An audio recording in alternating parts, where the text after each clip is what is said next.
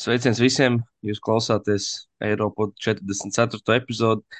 Arī šajā epizodē runāsim par notikumiem Eiropas basketbolā. Atskatīsimies uz uh, Eirolandes pirmo spēļu nedēļu.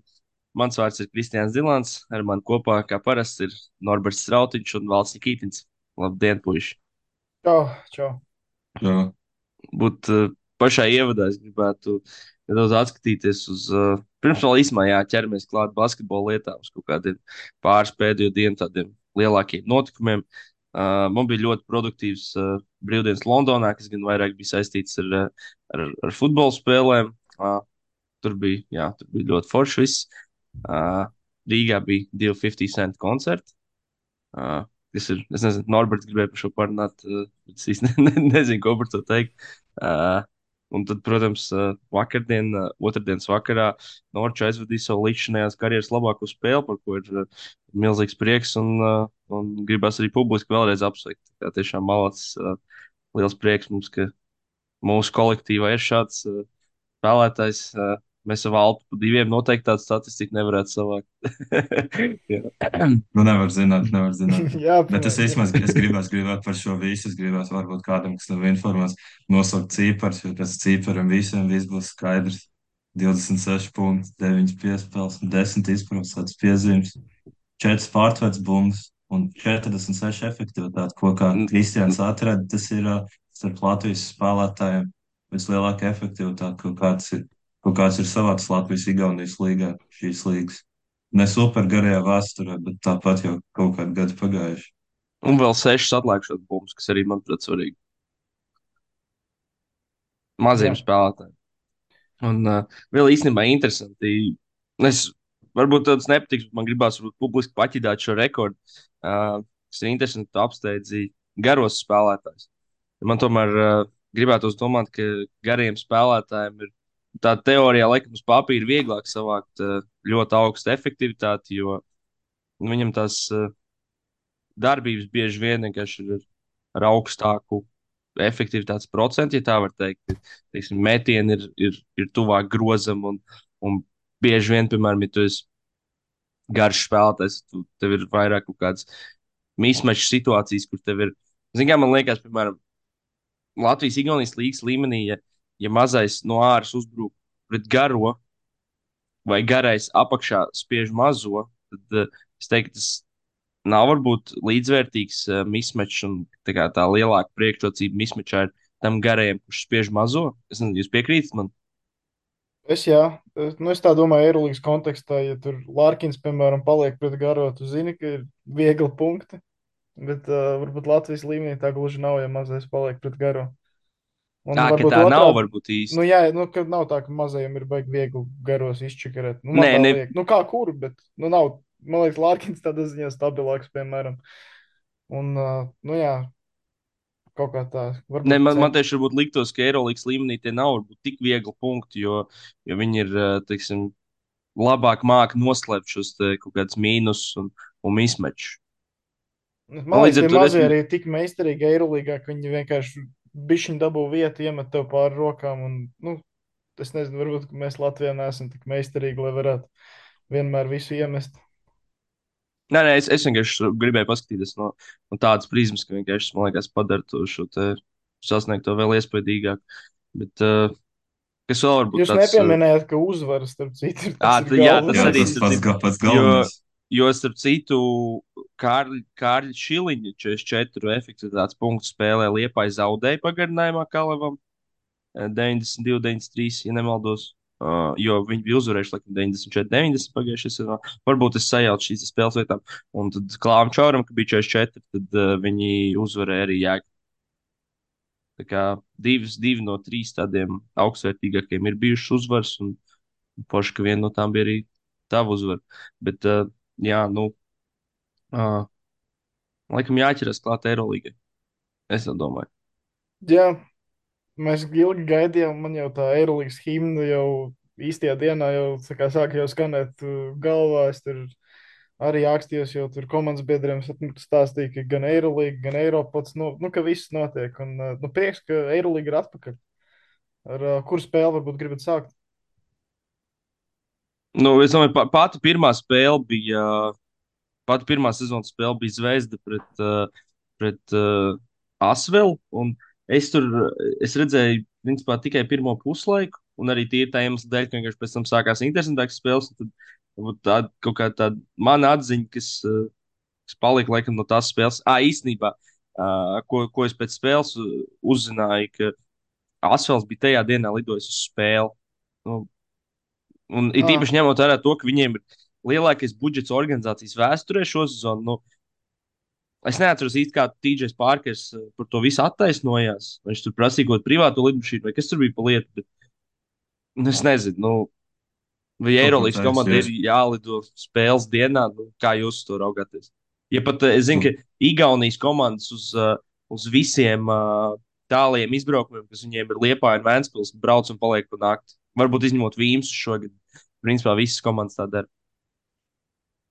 Nē, tā, es piekrītu, tas tā īsti nevajadzētu būt šādā līmenī. Ja es nemaldos, viņš attaisnojās ar, man liekas, ka tas bija par to, ka tas ir dārgāk. Ja es tagad neko nejaucu, tāds bija toreiz attaisnojums. Bet, bet, nu, es nezinu, vai tā varētu īsti būt taisnība, jo tu šo jautājumu arī pa lielam tur atrisināt, ja tu parakstu vienkārši vienu spēlētāju mazāk, tad tu vari, principā, gan jau, es domāju, ka mierīgi lidot dienu ātrāk. Es, Un pre, es īsti nezinu. es precīzi līdz galam neatceros, bet uh, man šķiet, varbūt varēja būt tā, ka TJ Parkers arī teica, ka viņi ietaupīja laiku lidojot, ka ja viņi lidot ātrāk, tad viņi nevarētu tur laikam pa taisno lidot, būtu kaut kāda līkuma jāmet, un ka spēlētājiem tāpat ir daudz spēles, viņi ir noguruši, un ka, nezinu, ka laikam īsāks ceļš bija tad, ja lido spēles dienā, kaut ko tādu es atceros. Iespējams, bet man liekas, vispār tas kaut kāds. Uh, kaut kāds finansiālais attaisnojums vispār neiztur kritiku. Jo, ok, es saprotu, ka, piemēram, tev ir, uh, ja tev ir lielākais budžets kluba vēsturē, iespējams, tas nav lielākais budžets, uh, lielākā naudas daļa uh, tieši kaut kādām organizatoriskajām izmaksām. Tur varbūt gadīties tā, ka vienkārši tur viss pieaugums ir, ir, uh, ir algu budžetā, bet, nu, jebkurā gadījumā es nezinu, man liekas, tā, es gribētu teikt, drusku varbūt neprofesionāli no asfalta puses jau, jau pirmajā spēlē. Man vismaz no malas tāda sajūta, ka, ka, ka viņi jau ir padevušies. Nu, nu, okay, es būšu godīgs. Uh, nu, gan jau, ka vairumam ir skaidrs, ka viņi, piemēram, plēsoņā nespēlēs un ka viņi turpat nebūs tuvu. Bet uh, nu, tā laikam ir lieta, ko tu negribi tā kā, sagaidīt no pašas komandas. Tāda tā kā apstiprinājumu, ka nu, jā, mums, tā, mums tur nav ko darīt. Zvezda ir, ir krietni labāka komanda. Tad mēs pie, pie viņiem uh, nelidosim laicīgi, jo mēs zinām, ka mēs dabūsim pa muguru. Nu Jā, tas nav Plus vēl- saprotams. Plus vēl uh, Zvezdai pirmajā puslaikā, ja nemaldos, bija apbrīnojums procents. Tā Kā, nu,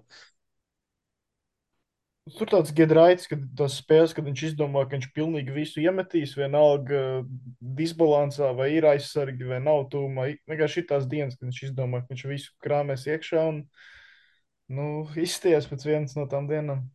bet, uh, sapratu, Zvezda arī nebija laikam labākajā sastāvā. Jāgū nebija, uh, kas vēl nebija tur. Kolumbus nebija, un, un uh, nu, Bielets nebija, Bielets laikam tad vispār Nu, jā, viņš. Tas, Jā. tas, tā. Bet, cik es, bet tas jau, cik es saprotu, tas pat, tas pat nebija šoreiz traumu jautājums. Cik es saprotu, viņš vienkārši atstāja ārpus pieteikumu. Tā vismaz, ja es nejaucu, tad tāds bija stāsts, jo Jāgu, man liekas, spēlēja pēc tam Madrijas līgā brīvdienās. Un, un, bet par šito spēles pat vairāk kā viena lieta, ko es gribu saprast, vai, vai Zvezda bija tik pārliecinoša, tāpēc, ka viņi ir tik stipri, bet tāpēc, ka Asvēl tik vāji. Tāpēc tur es gribu sagaidīt vēl kādu spēli, lai viņi nospēlē. Jo, jo es nezinu, vai līdz galam vai Asvēl ir mērogs vispār tādā Eirolandes līmenī. Bet uh, Zvaigznē taču bija, es tulīt atradīšu, viņiem taču bija baigais procents šajā spēlē, kas, nu, kas tev īsti nepalīdz nekādā veidā. Nu, Jā, 17, troj- 34. 30, jā. Jā. Es vēl Nu jā, nepieru nu. gribu ļoti izcelt, jo tas, ko viņš pagājušajā gadā darīja Milānā, tagad arī pirmā spēle, viņš atnāk atkal, visus var apdriblēt, visu var iemest, un manuprāt, vienkārši ļoti vērtīgi, ka Cirvēna viņu dabūja, un uh, žēl no Milānas puses, ka Milāna viņu nepaturēja. Būs interesanti arī turpmāk viņu skatīties, jo viņš tiešām Bet, uh, daudz var dot. Bet, principā, laikam arī jāpiemina tas, ka, ka mēs arī viņu iepriekšējās epizodēs, pirmssezonas epizodēs, minējām kā vienu no tādiem uh, iespējams labākiem signingiem. Jā. Pagaidām viņš attaisno to, ko mēs teicām. Un mēs drusku kļūdījāmies par Džonu Ekbunu, jo tomēr bija diezgan ok loma, pat lielāka nekā Jusufam Falam. Man drusku pārsteidz. Jā, Bet, man labi, tas- vilšanās bija Franks Džeksons, kurš izcēlās ne ar ko principu, bija laukumā, bet, bet es, es nezinu, ja vismaz man liekas, ka viņš metīs punktus, viņš to arī nedarīja. Bet viņš, starp citu, savāca uh, četras bumbas zem groziem, kas ir pēc viņa tādiem vidējiem standartiem, apmēram sešu spēļu norma. Tā kā šobrīd ir jāgaida, kad, uh, kad šis vienkārši izlīdzināsies. Jā.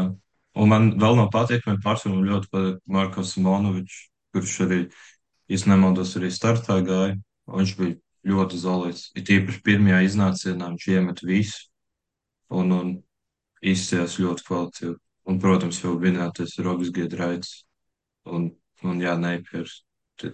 Visi fantastiski mačus aizvadīja. Nu, es laikam, vēl noslēgumā, tīri fantasy sakarā, gribu izcelt uh, Žofrēlu Lavērņu. Uh, viņam bija ļoti solīda statistika. Viņš uh, tiem, kas spēlē fantasy, ir, manuprāt, laba opcija, jo viņš ir zem desmit uh, kredīti. Viņiem ir nemaldos, ko 9 plus 4 bija. Viņš ir diezgan drošs uh, pirmais centrs. Uh, viņš ir centrs, kurš, uh, kurš aizpild principā visas statistikas ailītes. Viņš, uh, viņš arī viņam patīk izmest ārā, atrast divus partnerus. Viņš šeit tad arī kādu ielīmē vairodziņā vai vienkārši satiek pie stīpas. Tā kā, tur ir principā visas statistikas ailītes ir aizpildītas. Un, un arī bieži vien tā kā tīri skaisti aizpildīts. Viņš, kā, manuprāt, ļoti laba opcija pa, ā, pa šīm te naudiņām. Ja, ja gribi iet uz tādiem budžeta centriem, piemēram, apvienot viņu, un, un otrs tāds budžeta variants, kurš man ļoti patīk, ir citu Johannes Stīmans no Berlīnas Albas. Es tieši starp šiem abiem ļoti mēģināju izvēlēties, un tīmanu pārsvarā paņēmu. Jā. Bet uh, viņi, abi, viņi abi bija, man liekas, diezgan labi. Uh, vismaz pēc, pēc uh, sakrātiem punktiem pirmajā kārtā. Jā, tīmans arī bija labs. Man īstenībā šī tā tāda tā kā tendence, ko es pats ievēroju, liekot savus komandas, ka uh, man patīk kaut kā salikt tās fantasy komandas no lielākoties uh, otrā ešalona komandām. Piemēram, ja es skatos, kas varētu būt pirmajā devītniekā, kas varētu būt otrajā devītniekā, tad man tomēr ir vairums spēlētāju no tā otrā devītnieka komandām. Vai jums nav kāda līdzīga tendence ievērot savās komandās? Es teiktu, ka jā, jo tieši top komandās, laikam, pilnīgi uzticami fantasy sakarā tikai paši galvenie līderi. Tāda lomas spēlētāji tu nekad nezini, vai viņi kaut ko izdarīs tajā dienā vai nē. Jā, vājām komandām, nu, tā teikt, jā, otrā ešalona komandām, nu, tu zini, ka tur tiem galveniem spēlētājiem, nu, kaut kas viņiem ir jādara, viņiem būs minūtes, viņiem būs bumba iespējas, un, nu, tā kā drīzāk, ka viņi kaut ko savāks, jā. Tā kā, nu, tur ir vairāk opcijas, teikt. Tā, pie nākamās spēles. Bet ko, ko mēs uh, ņemam kā nākamo? Virtus ar žalgiri. Nu, laikam gan jā. To vienkārši- Uzreiz, uzreiz, uzreiz gribu pateikt, ka arī piepildījās tā lieta, ko, ko mēs teicām. Uh, milzīgi loma aizējām kordiņē. Es, es gan, ja godīgi, negaidīju, ka viņš būs brīžiem, principā, kā primary ball handlers un kā, kā izteikts uh, viens no galvenajiem kreatoriem uzbrukumā. Ko arī pierāda deviņas rezultātus piespēles un kopumā ļoti daudzpusīga statistika no viņa puses. Uh, gaidīju vairāk no Dželīna Smita. Uh, jā, varbūt uh, kaut kā, kā kas jums uh, uzreiz sakāms par šo kaut kā ie, ievirzīsies, gan jau tas arī nu, aizies plūstošāk. Man bija prieks vienkārši tas, ka mums ir Lukas Banka un Rolands Šmita duels. Tas bija tāda interesanta lieta, ko paturēt prātā visu spēles gaitu. Arī pats spēle bija tāda interesanta. Žalgiris no mīnusiem atspēlēs. Uh, Divreiz. Būtībā tas, ko es sapratu, ka tas žēlgīris, ko mēs skatījāmies pagājušajā gadā, visu ziemu, visu pavasaru un fanojām, lai viņi tiktu plēfos, viņi ir atpakaļ. Mūs sagaida vēl viena sezona ar Edgars Lāno postapiem un Stebeka trojkām. Mūs sagaida vēl viena sezona ar uh, Rolandu Šmita drāviem. Ar Dimšas un Butkeviča trakām aizsardzības darbībām un metieniem. Viss tas, ko mēs esam redzējuši, mēs visi to redzēsim vēl vienu gadu. Un tagad mums atkal ir uh, vesels Kīnans Evans, kurš uh, izties ļoti labi, iemet 25 punktus. Bija uh, prieks viņu atkal redzēt, uh, pārliecinoši labs un uh, Varbūt Ulānovs gan vienmēr nokārtoja tās galotnes pagājušajā gadā, bet es nezinu, es ar Evansu, kad Evans un Bumberis jūtas tomēr mazliet drošāk. Varbūt arī tīri no vizuāla, no metiena viedokļa, vairāk uzticies viņam. Un, nu jā, varbūt eh, Žalgiris tāds melnais zirdziņš. Man pēc šitās spēles jautājums atkal, jā, vai tas, ka viņi ir labi vai virtus, mazliet nobumbulē to spēli, tas ir jautājums. Bet, Nu, radās tā sajūta, ka Žalgiris tāpat kā pagājušajā sezonā var cīnīties, varbūt pat viņi ir vēl mazliet labāki. Un, uh, Nu, jā, teikt, es teiktu, tā cīņa par play-in viņam ir pilnīgi reāli. Tas ir tas, kā es jūtos pēc pirmās viņa spēles. Tur Žalgiris, domāju, ka viņam vēl ir neliels rezervs, jo Nāz Mitru Longs nospēlēja tikai 12 minūtes, atzīmējās, jā, tikai ar 6 punktiem, un uh, nebija iespējams tas labākais mačs viņam, bet es domāju, ka tur vēl ir rezervs, viņam vieta progresam, varbūt viņi vēl kāds spēlētāji parakstīs, un, un Jā, es arī domāju, ka tev, tev varētu būt vēl, vien, vēl viens playoff skrējiens, bet no vietas man īstenībā viena lieta, kas man patīkami pārsteidz, bija Jordans Mikijs, kurš iemet 3 no 3 tālmetieniem, kopumā savās 18 punktus. Tas man daudz nošokēja, un arī tur šiem gēliem 2-4 tālmetienos. Tā kā tas, tas bija tāds vēl patīkams pārsteigums, ko es negaidīju, ka šie kungi varēs iemest kaut ko no tālens tieši. Jā. Man vēl Dobričs patika no, šoreiz nepietika. jā, man vēl Dobričs no virtus patika. Bija tāds sajūta, ka, tā, kad viņš nu, iet uz grozu un uzņemās iniciatīvu, tad kaut kas labs notiek. Un, bet man mazliet žēl Luka Banki, jo es biju tādā trikī situācijā, ka es, man liekas, pirmo reizi skatījos Žalgiris spēli, un es pat līdz galam nevarēju izdomāt, ko es vēlos, lai kas uzvar. Jo es nezinu, es vienkārši esmu pieredzējis arī par banku fanot, un ļoti patīk viņš kā treneris. Tad bija tāda tā kā neizlēmība. Man mazliet viņa žēl, jo, manuprāt, spēlētāji diezgan arī tādas visādas diezgan muļķīgas kļūdas virtus un taisīja galotnē. Un, nu, kaut, kaut kādā ziņā, nu, nezinu, varēja redzēt arī spēle, pēcspēles intervijā, ka banka ir tāds uh, bēdīgs vīlēs un uh, Nu, jā, teiksim, tad Virtusam, manuprāt, šī bija tā spēle, kas ir jāuzvar. Tīpaši zinot, ka viņiem tur bija kaut kādi plus 10, 15. uh, Tā kā, nu jā, bija žēl vienkārši banki. Bet, nu, šo spēli tas tomēr ir žēlkirs. Varbūt viss kārtībā, ka zaudēja, bet, nu, nākamajās Virtus spēlēs tad gan ir jāatbalsta Kristiāns Luka un visa Boloņas komanda. Bet es, es pilnīgi piekrītu, ka principā, tas Lukas rokraksts jau palēnām sāk iezīmēties uh, virtus spēlē, bet uh, problēma, man liekas, ir tajā, ka uh, viņam ir dots ļoti mazs laiks, lai sāktu uzvarēt.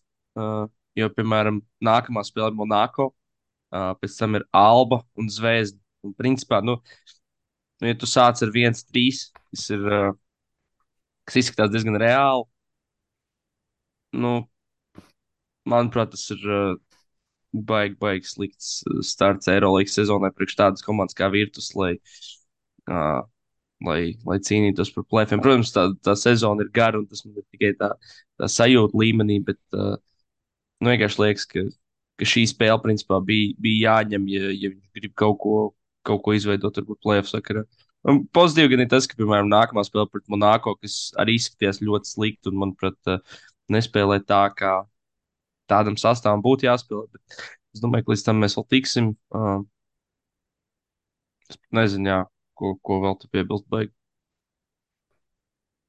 Jā, Nu, man arī tas viss, ko gribētu pateikt. Šī vienkārši tāda spēle, kad uh, man liekas, ka šīs abas ir tādas komandas, kas ir kaut kur uz tādas plēna robežas, nu tā pēc mūsu kaut kādām prognozēm.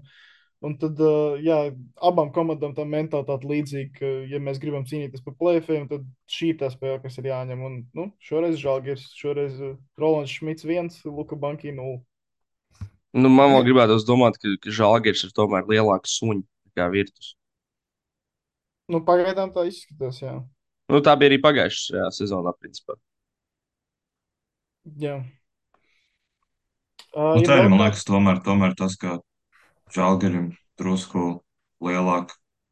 Tas par to kontinuitāti, ko mēs parasti pieminam, tas, man liekas, pat ir vairāk treneru sakarā, ka nekas īpaši nav mainījies, bet tā virtus tomēr ir nedaudz citādāka situācija, jo cik bieži vispār komandas maina trenerus nedēļu pirms sezonas sākuma, un, un tur ļoti grūti es kopumā joprojām domāju, ka Lukam iedots ļoti smags uzdevums.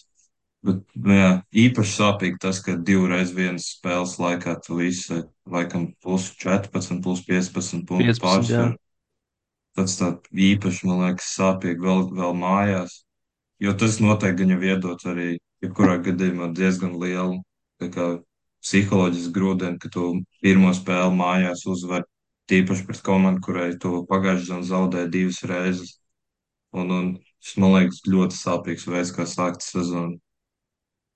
Jā, arī par to kontinuitāti runājot, eh, jā, man liekas, Žalgirim tas ir pluss, ka liela daļa spēlētāju un treneris ir palikuši. Un viņi jau pagājušajā sezonā tā kā uzņēma to ritmu un uh, apmēram saprata, kādas ir tās lomas, kā viņi grib spēlēt, kas viņiem strādā. Un tagad viņi var vienkārši turpināt uh, no tā arī nu, jā, spēlēt, attīstīt savu spēli un tam līdzīgi. Bet Virtus, man liekas, visu pagājušo gadu viņi bija tādi haotiski. Un arī tās lomas tādas, ka tu nekad nesaproti, kad Belinelli ir galvenais. Tur pagājušajā gadā, kad Milošs ir, kad Šengēli un Hakets. Nu, visu, visu laiku kaut kas mainās, kaut kas ir tā, tāds nestabils un tāds bišķiņu hauss. Un tad šajā ziņā Žalgirim bija priekšrocība un Virtusam vēl tagad pamazām ir jāatrod tas savs ritms un savu spēli. Un, nu, gan jau Luka to sakārtos, bet nu vajag laiku.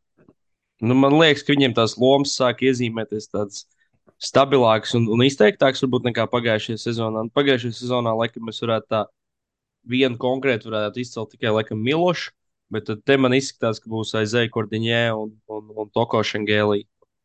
Ar Kordiņē es, piemēram, esmu apmierināts.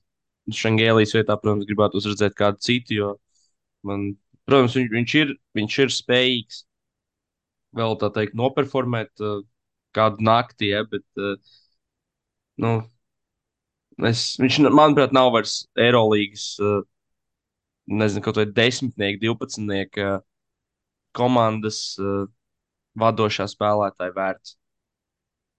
Tā es gribētu teikt. Tam es piekrītu. Viņš tur kaut kāds zin, kā, otrais, trešais būtu. Un Jā, jā, jā. kaut kāds garais metais. Ja Mikls met katrā mačā 3-3, tad viss kārtībā. bet, bet, Jā, Nu, ar Miki, ar izskatās, Miki jā. laikam līdzīgi, ka es arī neredzu Miki tādā spēcīgā komandā vadošā garā lomā. Bet Mikls, man liekas, visu nekad tā kā, kā tāda tiešām vadošā spēlētāja loma nav bijusi. Viņš bija Varbūt- Himkos vadošais, izcilies. Nu, labi. Nu, jā, nu, jā, bet tas arī viņus par vadošu komandu grūti nosaukt arī nedaudz. Tā, tā bija, bija kā bija. Ir vēl kādas ceturtdienas vakar spēles, kuras gribat uh, apspriest. Es tā daļēji esmu redzējis, vienkārši īsumā gribu pateikt, ka Lorenzo Brauns kā parasti bija labs uzreiz, tā, tā kārtīgi, tā vīrišķīgi sāka pirmo ceturtdaļu un salika visu pa plautiņiem pret Partizanu. Un, nu, Barcelona FS apspēlēja mājās, tas arī bija interesanti. Viņi tā brīvi spēlēja, plūstoši. Nezinu, izskatās, ka viņi labi jutās, un man liekas, ka FSM vēl ir jāatrod Darījus Thompsons. Nebija tāds līdz galam pārliecinošs, ka viņam arī vēl ir jāsamanedžē savas tādas lietas. Es tieši redzēju, kā viss Twitteris uh, pēc tās Barcelonas FS spēles uh, cepās principā par to, ka mēs esam Barcelonu nu, underreitojuši un ka viņi beigās būs playoff komanda. Bet uh, es varbūt uh, neskrietu pa priekšu, varbūt ar tik pārsteidzīgiem secinājumiem, jo man liekas, ka, piemēram, šajā spēlē Barcelonai viss principā gāja no rokas, bet tikpat labi viņiem var būt kaut kāda spēle, kur, kur viņiem neiet uh, tik ļoti viss, un, un man liekas, ka es īsti neuzticos uh, Rodžera Grimau in-game adjustmentiem. Es uh, neesmu pārliecināts, vai viņš ir, spē... viņš ir tas treneris, kurš, uh, kurš būtu gatavs uh, lauzt spēli, kur varbūt neiet uh, Barcelonai iecerētā gaitā. Jā, Jā, nu, es piekrītu, ka tad nevajag īsti izdarīt jā, secinājums pēc pirmām spēlēm, jo ACB pirmie mači viņiem galīgi nav bijuši pārliecinoši. Principā tā bija viņu, varētu teikt, otrā labā spēle šo sezonu, tikai ko viņi ir aizvadījuši. Un, un tur noteikti ļoti liela vieta izaugsmē, jo, ja es nemaldos, tad ACB viņiem ir divas uzvaras tikai, nu, kur, nē, trīs uzvaras ir, no kurām viena bija papildu laikā pret tikko promototu komandu, un otra bija tikai plus 5 pret arī tikai promototu komandu. Tā kā tur teikt, ka viņi ir joprojām tikpat liels smagsvars, es, es īsti negribētu, negribētu līdz galam piekrist arī. Bet nu, Nu, tas viņi, tomēr mums basketbola faniem ļoti patīk. Pēc vienas vai divām spēlēm var iz, izvirzīt tālajošus secinājumus. viņi arī pret uh, Hoventutu, Joventutu aizskrēja, man liekas, sezonas pirmajā spēlē prom uh, pašās beigās. Bet īstenībā, ja mēs tā tagad uh, jau, jau pēc fakta konstatēšanas paskatāmies uz, uz šo spēli, tad man kaut kā liekas, ka, ka mēs varbūt, ja, ja Barcelonu mēs ļoti nenovērtējām, vairāk pievērsām uzmanību tam, cik tur viss ir slikti, man liekas, ka, ka šādu pašu trītmentu vajadzēja saņemt arī Efesam. Nu, tagad tas Godīgi sakot, tag, skatoties. tagad tā liekas, jā, mēs visi tikai runājam, ka Thompsons pat varētu būt labāks nekā Mīcis Efesā un tā. Nu, Tā es toču neteicu. Es neticu. Nu, jā, e, e, es kaut ko tādu teicu, ka teorētiski varētu būt, jo viņš meklē to piespēli un spēlē aizsardzībā, un tas varētu baigi labi būt FSM. Bet, nu, visam vajag laika, droši vien arī treneris ir mainījies, līdzīgi kā Barcelonai. Un, uh, Kurš arī, Jā. starp citu, principā ir rūkīs. Nu, neskaitīsim tās uh, trīs spēles pie Feneras stūres, kad, uh, kad uh, to brīdējais Feneras treneris, uh, vai tas bija, nezinu, vai Kokoškos vai, vai Žeļko, vai kurš tur bija, uh, nebija pieejams. Protams, viņam, Nu Jā, ir, viņam ir lielāka pieredze augstākajā uh, pieaugušo basketbolā, augstākā līmeņa pieaugušo basketbolā, kā, kā Grimau kungam. Bet, nu, es saku, man liekas, mēs toču drusku pārvērtējam to. Varbūt, uh, bet, jā, nu, te ir viena spēle, tikai varēja aiziet otrā virzienā, un tad mēs nebūtu nemaz doma par to, ka FS ir, ir, uh, ir, pār, ir pārvērtēts un Barcelona ir nenovērtēta. Bet par to pašu treneru jautājumu man arī Džona kungam krietni lielāka ticība, jo, jo viņam pat ne tas, ka, es nezinu, Grimau kungam nav, nav pieredze augstākā līmeņa Eiropas sacensībās, būsim godīgi, viņam nav pilnībā nekāda pieredze pieaugušo basketbolā kā galvenajam trenerim. Un, un E- Erdum Džonam tomēr ir krietni lielāka gan kā asistentam, gan arī kā galvenajam pietiekami nopietnās komandās, nu, nopietnā komandā pagājušajā gadā. Tā kā man no treneru viedokļa viņiem ir, gribētu teikt, krietni lielāka ticība nekā Barcelonai. Bet, nu, protams, Bet uh, es īstenībā tagad es, es tikko aizdomājos par to, ka, ka mēs varbūt krietni pārvērtējam pieredzi. Nu, nu, piemēram, ja mēs salīdzinām Rodžeru Grimau un Žeļko, tad es domāju, ka pieredze spēlē kaut kādu lielu lomu, izšķirošu lomu iespējams, bet Rodžers Grimau un Erdams Džants, nu, es nezinu, man neliekas iespējams, ka tur tā pieredze varētu būt, būt tik izšķirīga. Nu, viņi abi uh, saprot basketbolu, viņi abi pārzina taktiku izcili. Nu, es domāju, ka tur jāskatās, vienkārši, kurš ir labāks vai sliktāks psihologs, kāda katram pieeja. Bet es domāju, ka šajā gadījumā tai, tai pieredzē varbūt tiešām nav, nav tik izšķiroša loma. Nu, es nezinu, man, man toši liekas, ka tas varbūt ir kaut kādā brīdī nedaudz pārvērtēts uz to, uz to pieredzi skatīties. Jo, nu, ja viņš tomēr ir tajā Barcelonā, tad uh, es vienkārši tagad to, tagad to aizdomājos. Ja viņš ir tajā Barcelonā, nu, gan jau viņš kaut ko saprot, nav tā, ka viņš tur vienkārši ieliktenis, kurš, nezinu, piekrits vadībai strādāt par 500 eiro, ņemot vērā viņu finanšu rādītājus.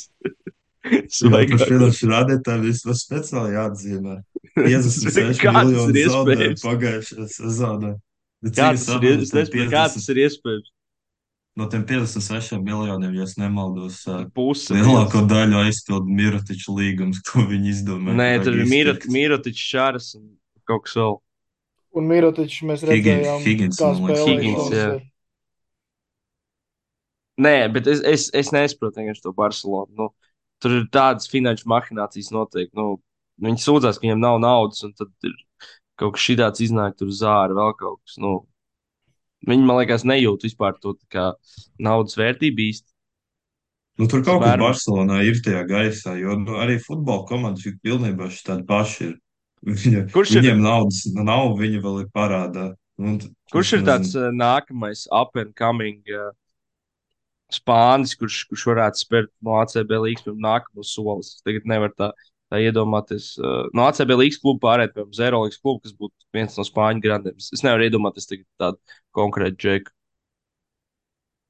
Tā nekas specifisks nenāk prātā, bet noteikti tiks samaksāts miljonu izpirkums. Nē, bet es saku vienkārši, ka varbūt tai komandai nezinu, kaut kādā Hoventutais. Pat nezinu, kurš tur, kur, kur varētu nosaukt tādu, kurš tur piet. Un tur nav, man liekas, īsti. Bet Kur no tagad spēlē Alberto Dias? Kurā komandā? Unikahā. Unikāhā joprojām. Nu, ok, piemēram. Nu, ja kādam Pie- baigi vajag aizsargu, tad uh, var Alberto paņemt. Nu, jā, un, piemēram, Nu, tu vienkārši ieliec viņam līgumā vēl krietni lielāku izpirkumu, un, un Barcelonā jau, piemēram, nu, tu, tur ir miljons. Viņiem jau, man liekas, tā kā, viņi nejūt īstu atšķirību, vai tur skaties, vai tur rakstīts viens vai trīs miljoni. Viņi, kā, nu, viņi pat īsti neapdomā. Viņi saka, mēs ņemam vienkārši, un tev ir, tev ir liela iespēja labi nopelnīt. Viņa tā kā bērns lielveikalā. Visu viņam vajag, un tad pēc tam netiek izrēķināts budžets līdz galam, tur vienkārši nevar saprast, kas notiek. Nu, viņiem pilnīgs ļoti, kosmos. ļoti radoša tā grāmatvedība ir. Un, atgādināšu, ka tikmēr Boloņas virtus un nāks samazināt savu budžetu. Līdz ar to ierobežojot arī lukas rocību. Un, būs interesanti, vai, vai viņiem būs kaut, kādas, kaut kāda kustība uh, sastāvziņā sezonas gaitā. Jo tagad pēdējais, ko es redzēju, ka viņi grib Ifam Lundbergam iedot līguma pagarinājumu, lai viņi varētu kā to viņa šobrīd lielo algu izstiept ilgākā termiņā. Jo tur vēlreiz jāiedod šautots Arčam Kalnītam. Viņš uztaisīja iespējams vienu no lielākajiem skēmiem Eirolīgā pēdējā laikā. Bet es domāju, ka Kalniņš šādu schēmu nepie, ne, nepiekritīs. Man tā gribētos tā domāt. Ja Nē, nu, viņi ja jau kaut, viņš- kaut ko jau viņi iedod, viņi jau kaut klāt. Nu, teiksim, ja, pie, ja viņam tagad ir tuvu divītim, uh, tad vienkārši sadalīt uz divām sezonām, kas, nezinu, piemēram, kaut kā 900, 850 tūkstoši. Uh, pieliec kaut ko klāt, vienkārši, nu, drusku, nezinu, simtniekam. un Tad Nē, nu kaut kas tur notiek. Bet, nu, ja mēs kaut ko, ja mēs kaut ko mums vēsture mācām, tad tas ir noteikti tas, ka Arthurs Kalniņš Ifam Lundbergam dabūs, dabūs ciparu. Šādā vai tādā veidā Ifa Lundbergs būs nodrošināts. Un, un Kalni, Kalniņš kungs, es domāju, visus sarunās un tur, tur visam vajadzētu būt kārtībā. Nav pamatu uztraukumu. Jā. Bet tas īstenībā viena, viena spēle, ko es tajā pašā ceturtdienā ā, Makabī ar Partizānu. Man bija pārsteigums, ka Makabī bija tik ļoti pārliecinoši, tīpaši vēl bez veida Baldvina, jo, jo es, es gan jau gaidīju, ka viņi uzvarēs, jo tā tomēr ir ā, spēle Telavivā, un Telavivā ir Eirolandes spēle, tad uzvar tikai Makabī. Tur Jā, citi šit, šitā neuzvar. tu teici pagājušajā nedēļā. Kāpēc es pārsteigts? Viss taču loģiski. Nē, nē, es, es biju pārsteigts, ka viņi uzvarēja tik pārliecinoši, jo principā viņi, viņi aizgāja puslaikā ar ā, 12 punktu vadību, un tad tā arī viņi vienkārši viņi palielināja. Un, un Partizans īsti nekādu superlielu pre, pretestību neizrādīja. Vienīgais, kas Aleksa Vrāmovičs joprojām top formā pēc pasaules kausa, viņš bija principā pat ar Lorenzo Braunu sacentās gan ā, nu, rezultatīvitāte un efektivitātes rādītāja, bet, bet tā kopumā man tā nedaudz vilšanās. Es pat, es pat teiktu, ka nevis pirmajā puslaikā aizgāja plus 12, bet uh, jau pirmajā ceturdaļā, jo tur, ja nemaldos, Lorenzo gāja ciet, tā teikt, uh, viņam bija, man liekas, no kaut kādiem pirmajiem 30 punktiem viņš bija ielicis kaut kāds 18. Jau. Nu, viņš tur, principā, vienpersoniski bija sakārtojis to, to pārsvaru Makabī. Un, jā, laikam, tiešām tā negatīvā lieta bija tāda, ka eh, negatīvā lieta, kas pārsteidz, bija tā, ka nu, Partizāns nevienā brīdī īsti neatgriezās atpakaļ spēlē.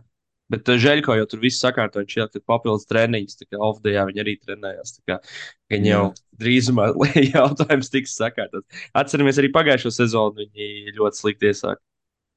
Jā, Nu jā, bet, te, bet tas arī bija citādāks. Labi, nē, īstenībā kaut kādā ziņā varbūt nē, jo, jo pagājušā sezonā viņi bija, nu, ne, viņi nebija īsti jauna komanda, bet bija tā kā Eirolīgā sen nebija bijuši. Un, un, un, un jā, tagad ienāca. Tagad es gaidīju, varbūt, ka viņi sāks pārliecinošāk, jo, jo nu, tomēr viņi pagājušā sezonā bija ļoti iespējams pelnījuši būt Final Four. Un, un tagad es gaidīju, jā, krietni kaut ko pārliecinošāku. Un, un jāatzīmē gan, ka vēl tur tiem, kas ir jaunpienācējiem, vēl ir diezgan liels darbs jāizdara liejusos šeit. Jo Paņītkam nepilns 5 minūtes 0 punktu, Frankam Kaminskam 6 minūtes 2 punktu. Puņīti Tur tur uh, pašā sākumā šansēja pret uh, Lorenzo Braunu, bet tur bez variantiem. Jā, bija Leksija, bija treneris spiest Leksu, Leksu laist laukumā, lai viņi tad sāk. Bet tas, ka kopumā, es nezinu, man kaut kā vienkārši, it īpaši otrajā gadā pēc tik veiksmīgas sezonas gaidīja nedaudz, nedaudz labāku sākumu no viņiem. Bet, nu, kā jau tu teici, prieks, ka vēl viens treniņš ieliks. Tas tāds, gribētu teikt, tāds serbu standarts, jo, jo es nevaldos dušu koriši tādu patīk darīt. Jā. Pret tās pēc zvezdas spēlēm, tā kā tur gan jau viss tiks atrisināts. Runājot vēl par serbu standartiem, zin, kā mēs dažreiz pieminam to serbu aktieru skolu, kam visi ir izgājuši cauri, un tā, tad es redzēju arī dažādas izgriezumus, kur taimotā Žeļko saviem spēlētājiem tā kliedz virsū, ka viņi nav spēlētāji, ka viņi ir aktieri vienkārši, un ka, nu, apmēram, nu, beidzot tur kaut ko rādīt, lūdzu, ejiet cīnīties. Un, nu, tā, Žeļko to spēlētāji arī raksturoja, ka Makabī tajā dienā bija cīnītāji, Partizans tajā dienā bija aktieri, un tad, tāpēc arī uzvar Makabī. Jā, un tagad uh, līdzjūtības un labu vēlējumu Izrēlē. Jā. Tā kā, Jā, Bet, nu, gan jau tad, ā, es domāju, varam doties pie, pie centrālā dueļa, kas mums bija piekdienā. Es tā pieņemu Grieķijas derbijas, OAK, jaunā, jaunā iz. Es gribētu īstenībā pirms ķeramies klāt pie spēles pirmo lietu, kas man pateikt. Pirmo lietu pateikt, kas man ā, ienāca prātā skatoties spēli. Nesaistīts ar basketbolu, to, ka ir ā, beidzot ļoti liels prieks redzēt, ka OAK arēna ir cilvēki. Tur ir kaut kāda dzīvība. Jūs godīgi pēdējos, es nezinu, trīs gadus diezgan mokošu arēnu, ko skatīties, ka tur pieslēdzas spēlēm, un tur vienkārši pirmkārt neviena nav komanda spēlē slikti, un vispār nebija, nebija nekāda motivācijas slēgties klāt Panathinaikos spēlēm. Tad šogad īstas tas ir, šis jautājums vismaz būs, būs atrisināts, vismaz sezonas sākumā. cerams, jā. Nu, ir tīpaši uz šādu duelu. Bet, nu, es nezinu, es gribu pastāstīt, man ļoti patīk spēle, man ļoti patīk atmosfēra. Arī uh, vienkārši tas, ka Sluk- Slukas mēģina, tā teikt, savu veco komandu vinnēt, un uh, arī pirm, it īpaši pirmajā puslaikā viņš tiešām bija ļoti labs, ļoti karsts, uh, iemet ļoti daudz metienus, uh, arī ne tos vieglākos, katru reizi, kad viņš iemeta, vienkārši viss arēna eksplodēja, un bija baigi interesanti skatīties arī. Tā, gan tas, ka Grieķijas duels, gan Lukas pret veco komandu, un uh, man gan Lukas, gan Olimpijākus ļoti patīk, tam man bija vēl tā kā interesantāk skatīties. Un, uh, nu jā, arī kaut kādi jauni varoņi, varbūt uh, Grigonis atgādināja, ka arī viņš var uh, Eirolīgā būt uh, faktors un ļoti labi spēlēt. Uh, Tomas Vokaps nekautrējās gan izpildīt metienus, gan uzņemties iniciatīvu. Atcerieties, es teicu, ka viņš varbūt, ne, nevis varbūt, bet viņš iemetīs kādu game winneru šo sezonu. Nu, viņš nebija tālu. Lukas arī nebija tālu. Ja, ja viņš, ja Lukas iemet, iemest savai vecajai komandai, tā, tas būtu kaut kas. Bet, nu, bet super spēle, manuprāt, ļoti patīk. Grigons taču startā gāja, vai ne? Jā, tas man arī bija pārsteidz, jo uh, pirms sezonas taču pat uh, nebija īsti līdz galam skaidrs, vai pirmkārt vai viņam atradīsies vieta rotācijā, un vai viņš kādā brīdī arī nepamatīs komandu. Jo viņam tā pagājušā sezona bija, bija ļoti neizteiksmīga, krietni vājāka komandā. jā. Un, man liekas, arī mēs iepriekšējā epizodē diskutējām, uh, ka Panathinaikosam ir vairāk labi mazie spēlētāji, kurš tad ir tas galvenais vecs viņam. Nu, man liekas, ka šajā spēlē Lukas parādīja, ka viņš ir tas galvenā, galvenā viola pirmā Panathinaikosam, un ka no viņa arī būs ļoti daudz, kas atkarīgs šajā sezonā.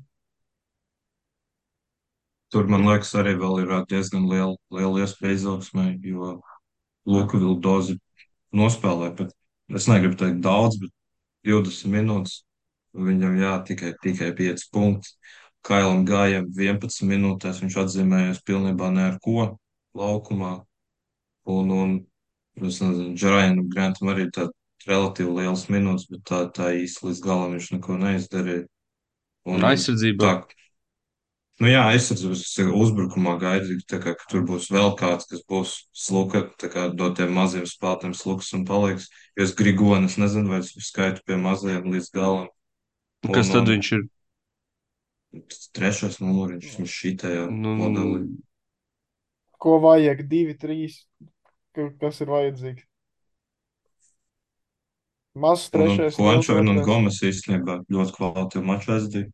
Plus vēl 43 minūtes nospēlē. Tagad jāatzīmē, ka viņam bija iztrūkums sastāvā, tāpēc viņam bija tik daudz jāspēlē. Un, un jā, Lesors no benča nāca, kas man likās interesants lēmums, jo es nemaldos. Partizānā viņš bija Jā, diezgan jā. regulārs. Nu, pārsvarā bija startā labi, ok, Lukas Partizānā arī no soliņa sākas, starp citu. Tu man likās, ka viss tas pats, kas Olimpijākos sāc no soliņa un spēlē galotni. Bet, nu, nebija izteiktāk tas, ka Čabūma spēlē. Nu, vēl arī Bet- jāpiemina maču varonis. uh, bija Aleks, viņš bija Aleks Pīters. Aleks Jā. Pīters, jā. Jā, viņš tāds kā jaunais klusais Ve- Vezenkovs. Īstajā vietā, īstajā laikā un uh, ļoti daudz tādas efektīvas, labas epizodes. Un uh, Valtu komandu pametušies uh, Nigels Viljams Goss. Viņš bija labs, iemet savus metienus, tāpat arī Kenans, kurš paprovocēja arī gan Lukas, gan Ataman. Un uh, nu, bija gan emocijas, bija viss. Un, uh, uz pieredzi, uz pieredzi beigās pagarinājumā Olimpijākus uh, paņēma. Un es arī gribētu teikt uz komandas spēli. Bet, uh, starp citu, viņiem puskomanda tagad esot notraumējusies. Es Jā. kaut ko tādu redzēju. Gan Sīkma, gan Makīsiks, gan nu, Fals jau tad te bija ārā. Un, un tie visi. Man, es īstenībā man interesē vēl par gribas sīkumu redzēt, tā kā pa īstam tur, kur viņam būtu jāspēlē, jo viņš, nezinu, viņš tag, tagad apstākļus, apstākļus piestā kārtā, viņš bija centra spēlētājs, viena ceturdaļa, ko viņš nospēlēja. Un, un tur nu, īsti, manuprāt, viņš jā, nevar līdz galam sev parādīt. Tikai tur noteikti jāsagaida fals atpakaļ, jo arī Milutīnovam bija ļoti smags mačs. Kājas, kājas bija mirušas, allegedly, kā viņš pats teica. Un, un, un tur, jā, ļoti šaura rotācija, īstenībā tīpaši spēles beigās, man liekas, viņi principā tie pieci spēlētāji, kas bija Volkaps, Viljams, Goss, Kenans un uh, Pīters Milutīnos, tie principā arī, man liekas, sāk spēlēt kaut kādā trešās sadaļas beigās vai ceturtās sākumā, tad viņi arī pabeidz bez nekādām maiņām. Nē, nu tur bija Un- pa vidu vēl Lorence Akis un vēl kaut kas, bet uh, tā nebija tā, ka baigi kaut kas sanāca un tad tur mainīja atpakaļ. Bet nu bija arī kaut kāds maiņas. Nu, principā bez pašas spēles, tā kā, nu, uz izšķirošiem notikumiem bija visi pieci spēlētāji, viens piecinieks. Vienā brīdī Barcelona gribēja mainīt Miltīnu, nu, bet tad viņš atzīmējās ar divām labām epizodēm. Un, un, jā, viņš pārdomāja nedaudz šito, bet tā palielam, jā. Tā ir interesanti, ka spē- sezonas pirmajā spēlē jau jāspēlē spēlētājiem attiecīgi 39, 32, 37, 36 minūtes. Tad diezgan daudz. Tīpaši tagad gan jau tā, tā, tā šī tāda situācija būs, būs kādu laiku pie, pie pašreizējām, pie pašreizējām traumām. Tā kā tur jānovēl viņam veselību. Jā. Bet nu, galvenais, man liekas, ko šīs abas komandas parādīja, ir tā, ka abas var spēlēt kvalitīvu basketbolu un ka abas būs interesantas, manuprāt, sezonas griezumā. Un, uh, nu, tas ir galvenais, ka, lai ir pilnas tribīnes, ir labas spēles, un uh, noteikti skatīšos arī nākamās spēles abām komandām. Tā kā tā. Ir vēl kādas no piekdienas spēlēm, par ko Es, es gribu drusku iegriezties uh, Stambulā. Uh, Milāna izlīd galotnē, tik līdz pagarinājumam. Uh, pagarinājumā vienkārši gāja Andrā pret, uh, pret Vilbekinu trīs reizes pēc kārtas. Loģiski viņš vienu iemet, un tas arī bija. Ar to arī pietika uzvarai, kas tas bija kaut kas uh, ļoti nesaprotams no Milānas puses. Bet, uh, prieks bija redzēt to, ka Koļa bija izcils. Uh, un Milāna īstenībā, kā, kā iepriekš arī, arī šķīta, tā milzīgā problēma bija, bija aizsarga līnija. Uh, kā mēs redzam, arī pēc statistikas, uh, četri neizteiksmīgākie principā ir mazie. Jā. Nu, gan jau, ka tāds Ševans Šīls, viņš vismaz es redzēju iepriekšējās spēlēs, uh, Itālijas līgā bija tāds uh, rezultīvāks, labāks, un varbūt viņam arī ir, uh, nu, iespējas, tā teikt, Eirolīgā, kad lielāku vezumu pavilkt, uh, nospēlēt labāk, un tad arī varbūt visiem pāriem var labāk aiziet to spēli mazajā galā. Bet, bet īstenībā jautājums, uh, nu, mēs atceramies uh, to, kāds bija Pangos pie okupantiem, uh, kā viņš Barcelonu principā gandrīz aizsūtīja mājās. Uh, kas, tas ir pārliecības jautājums, vai, vai kas, vai, vai kā jūs to skaidrot? Jo nu, nevar būt, ka tu no tāda, principā, top 3 Eirolandes aizsargi kļūst par uh, no tādiem starteriem uh, uz, uz noslīd uz vājāku trīnieku. Ja mēs paņemam viņam ir- 18 starterus, Varbūt viņam ir tāda situācija, mēs dažreiz runājam par treneriem, ka ir, ir treneri, kas uh, trenē Antēta komandas, un ir treneri, kas trenē augšgalu komandas. Varbūt viņš ir uh, viens no retiem spēlētājiem šādiem, jo spēlējot viņam bija gan zenītā, gan arī tas pats bija žēl, viņš lielisks. Un, un tad, kad viņam bija iespēja Barcelonā vai tepat Milānā, tad, tad tur tā situācija krietni vājāk. Es nezinu, varbūt viņam, kad ā, tā teikt, līkums lielāks, varbūt viņam, es, nezinu, ka problēmas ar pārliecību uzreiz, vai, vai, vai, vai grūtāk arī spēlēt psiholoģiski, kad viņš vairs nav pārliecinošs galvenais spēlētājs komandā. Grūti tā pateikt īstenībā. Jā, nu man arī var būt tās traumas, ir kaut ko ietekmējušas. Es, es nezinu, piemēram, cik vesels viņš bija tajā NBA sezonā. Un, nu, pagājušajā gadā sākumā viņam vienkārši negāja, pēc tam vēl bija traumas. Es domāju, ka gan jau ka viss kopā, gan traumas, gan kaut kāda pārliecība. Un, nu, žēl, bet nu, gaidām, vēl, vēl ceram. Tā kā ar katru nezinu, mēnesi ar vien mazāk un mazāk ir tā sajūta, ka viņš tādā savā zenīta līmenī atgriezīsies. Bet, uh, nu, noteikti mirkļi būs, un nu, vēl, vēl ir varianti. Nu, es pat uh, biju apsvērs viņu kaut kādā brīdī ņemt fantasy, bet tad es sev atgādināju viņa pēdējās divas sezonas. 2020. gads. Jā, un, un, un, un tā vietā es paņēmu Devonu Hallu. Uh, lieliski. Jā. par kuru pēc ceturtdienas spēlēm kļūst zināms, ka viņš ir traumēts un ka viņš nebūs ierindā. Es domāju, ka viņš, eh, viņš varētu būt tas, kurš, eh, kurš varētu ieviest, atvest kaut kādu saulītu uz to Milāns aizsardzību līniju un, un kaut kā tur uzlabot to visu kopējo situāciju. Es ļoti šaubos, ka divas sezonas pēc kārtas varētu tik slikti mest, kā viņš to darīja pagājušajā sezonā. Viņš jau bija viens no, viens no spēlētājiem, kas pierādīja, ka var visas sezonas gaitā tik fāji mest. Nu, jā, zināt, bet es saku, es, viņš pierādīs, ka var pat divas sezonas to tā Nu, Es, es gribu domāt, ka tas nav iespējams divas sezonas pēc kārtas. Un īstenībā, ja mēs par, par žāģi virtus runājām, ka, ka, ka šī ir tā spēle, ka abām komandām, kas kā mēģina pretendēt uz to play-in, kas tev ir jāuzvar, man gribētu domāt, ka, ka Milāna pret, uh, pret Feneru un iespējams arī labi, Barcelona FS tā laikam negribētu teikt, bet Milāna pret Feneru bija, bija tā spēle, kur, kā, kur kā tev ir jāuzvar, ja tu gribi būt taisno plēfā. Tā jā, piekrīt. Nu, šīs komandas noteikti ir divas no tām, kuriem Nu, ambīcijas pirms- viņām ir pirms Nu, jā, tur te noteikti pirms sezonas mērķis. Domāju, ka abām bija uzstādīts pirmais mērķis Eirolandā top 6. Tā vismaz man gribētu domāt, ka Ja ne vēl augstāk. Nu, protams, es ļoti šaubos, ka Milānai vai, vai Fenerbahčai mērķis bija tā teikt cīnīties par uzvaru katrā spēlē. Vai, vai es nezinu, nu, te viņiem noteikti ir visaugstākie. Un man pilnībā piekrīt tam. Nu, jā. Ir vēl kāds mačs, vai mēs tuvojamies noslēgumam? Nu, es saku, Valencija Monako. Uh, tur es arī redzēju pavisam nedaudz no otrā puslaika. Man nav īstenībā skaidrs, kāpēc Monako spēlē tik lēni. Uh, vajadzēs papētīt avansētos status un paskatīties, kāds, kāds vispār kaut ko par viņu uzbrukumu. Jo nu, es nezinu, nu, tāds uh, gudīgs, drusku sāpīgi skatīties to uzbrukumu. Un, un man kaut kā liekas, ka pie tā sastāvā, kas viņiem ir, ok, tur bija samērā daudz iztrūkumi, bet uh, nav īsti skaidrs, kāpēc viņi tā spēlē.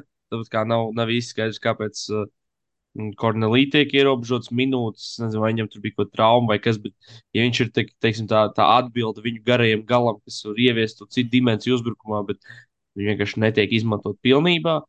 Uh, es domāju, ka Monako vienkārši būs tā komanda, kurai būs jādod ieskrieties. Uh, Ir jāsagaida, kad vēl būs žētē atpakaļ, kad Kempa beidzot uzspēlēs, kad viņi beidzot būs, teiksim, pilnā sastāvā. Es ceru, ka tur nebūs tā Milāns problēma pagājušajā sezonā. Viņi nevienā brīdī nav pilnā sastāvā. Bet, nu, jā, es, es domāju, ka vienkārši jādod laiks, bet uh, kopumā pirmā spēle, laikam, drusku negatīvi pārsteidz.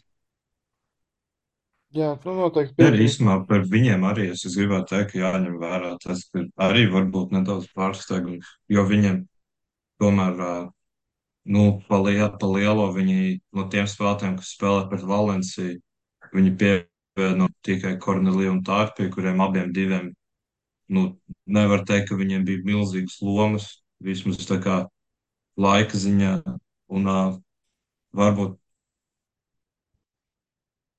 jā, pārsteigums, ka tik, tik lēns sākums, jo, nu, teorijā tā vienmēr vajadzētu būt, ka tu pēc uh, visu komandu ir kopā jau vienu gadu un, uh, un uh, iepriekšējā sezona relatīvi veiksmīgi. To vajadzētu sākt jau labi nākamo. Nu, diemžēl, diemžēl šis nav tas gadījums īstais. Un viņiem, Jā. uh, ok, viņi, protams, nospēlēja maz rezultātu, bet vienkārši tā no malas skatoties, man arī likās, ka viņi spēlēja ārprātīgi lēni. Noteikti, kur, piemēram, atvēra. Uh, ok, labi, nav labākais piemērs, jo tā ir viena no at, principā, ātrākā komanda līgā, bet Baskonija 40 minūtēs uh, izdarīja pa 20 metieniem vairāk. Tas ir daudz, īstenībā ļoti daudz. Nu, Labi, bet nē, Interesi pēc apziņas tik ātri flash, kurā cik citas komandas. Nu, jā, bet tur tā, tur šī tā vienas spēles kontekstā, tur tā kā, piemēram, tad Baskonijas spēle, tur abas komandas, kurām patīk ātri spēlēt. Un, un, Nē, nē, protams, Nu, jā. tāpēc es saku, ka tas nav varbūt pats objektīvākais. Bet jebkurā gadījumā vienkārši nu, no FSM arī bija pa desmit metieniem vairāk. Un, protams, tur jāņem visādi faktori iekšā, tur uzbrukuma bumps un tā tālāk. Man liekas, tā, tā kopējā tendence, ka arī tās Francijas čempionāta ievadā, man liekas, Monako, nu, par tādām komandām, kur liekas, ka viņiem vajadzētu stabili uzvarēt, uh, viņi nav bijuši, nav izskatījušies tik pārliecinoši. Nu. Piemēram, Maiks Džeims vienatnē nokārtoja uzvaru pret uh, Senkantēnu. Tas ir uh, tikko uznākuši uz augšu. Labi, protams, tur to nevar būt salīdzināt ar citiem čempionātiem. Tur, tur visas komandas ir pietiekami spēcīgas ar, ar leģionāriem un tā tālāk. Bet jebkurā gadījumā vienkārši kaut kā, nezinu, nu, nav, nav nepārliecināja man tā, kā, kā es gaidīju no viņiem. Tur Jā. not, noteikti, nu, noteikti diezgan liela vieta izaugsmē. Bet, nu, pozitīvi, ka Maiks iesācis labi. Tas par, par to vienmēr prieks. Un uh, cerams, ka viņš ir atpūtās Valencijā pēc spēles. Bet tā, nu jā, Tagad nākamā kaut kā žēl bišķiņ. Jā, nu, nevis nākamā, sanāk jau šonadēļ viņi uzņem uh, Luka Banki un uh, Virtus. Tā kā tas noteikti būs labs mačs, ko vērot. Es vēl teiktu, ka FS ir reāli šonadēļ ir tāds labs mačs, ko vērot. Un vēl, ja es varu ieteikt divus mačus, tad tie ir Žalgiris mājās uzņem Cervenu un Olimpijakos uzņem mājās Barcelonu. Tas būtu tas četrs, uh, četri ieteikumi no manis, kā pavadīt ceturtdienas un piekdienas vakars. Jā, bet es īstenībā vēl par, par iepriekšējām spēlēm gribētu atzīmēt vakar, vakar, vakarā mums pēc, sanā, ja es nemaldos, sešu, septiņu gadu pārtraukumu. Pirmo reizi bija ā, Eirolīgas komanda spēlē pret NBA komandu. Tur, nu jā, Pagaidām, mēs nerunāsim Reāli par Baskoniju reāli. ā, nu var īstenībā. Tur šī tā spēle īstenībā man liekas tāda, es gribētu teikt, interesanti, jo Reāli sāka, diemžēl, bez, bez Valtera Tavares un ā, viņa džokers, kas noturēja pret Barcelonu. Jaunais Ismail Diaņš, šī tā, diemžēl, nebija viņa spēle. Un, un, un bija, jā, bija diezgan liels īstenībā sastāv, koma, sastāv problēmas garajā galā, jo gan Purjē ātri uzsita sodus, Marija Hazoņa veiksmīgi desmit minūtes savāc piecas piezīmes. Un, un vienu brīdi pat tā Alberto Baldi bija spiests spēlēt spēku uzbrucēju pozīcijā. Tas tā kā tā ilgst, ilgstoši tas noteikti nav, nav, nav, nav līdz galam labs variants. Un jā, bet par Bet, ja laimi tev ir, ja tev ir pretī tāds džeks kā Čim Monēka, kurš ir nenormāli kustīgs, man liekas, tas nav nemaz pats sliktākais variants. Tā kā tev, man liekas, viss jāskatās attiecīgi pēc matchup. Ja, piemēram, ja tev nāk kaut kāds, nezinu, smags ceturtais, kurš, kurš spēj, nu, vot pret tādu tokošanu gēliju, man liekas, tas nav labs variants. Pret, uh, pret uh, Čim Moneko, vai visas spēles garumā, man liekas, tas ir ok variants. Nē, nu šis bija tieši pret, man liekas, Mēns Kostelo. Nu, Kostelo arī, bet viņš tāds kustīgāks, nu, teiksim, Nu, viņš, viņš vairāk tur pārdzīvojas. Viņš pārdzīvojas, piemēram, man liekas, nu, tas ir, man liekas, tī- tīri ok variants. Tā kā nav nekas, nekas tāds super slikts vai kaut kas, ko, ko tu uzreiz kā pretinieku treneris redz un centies baigi izmantot. Tas, sāk, tas, man liekas, Toko tāds spilgtākais piemērs, tā ir tā numura pozīcijā, kurš vienkārši tev mēģina, teikt, panišot uh, sodu laukumu. Nu, jā, tā var būt. Un uh, vēl es gribu teikt, ka Kundokam pats, diemžēl, atgriešanās, uh, jā, reāli sastāvā Eirolīgā ne tā veiksmīgākā.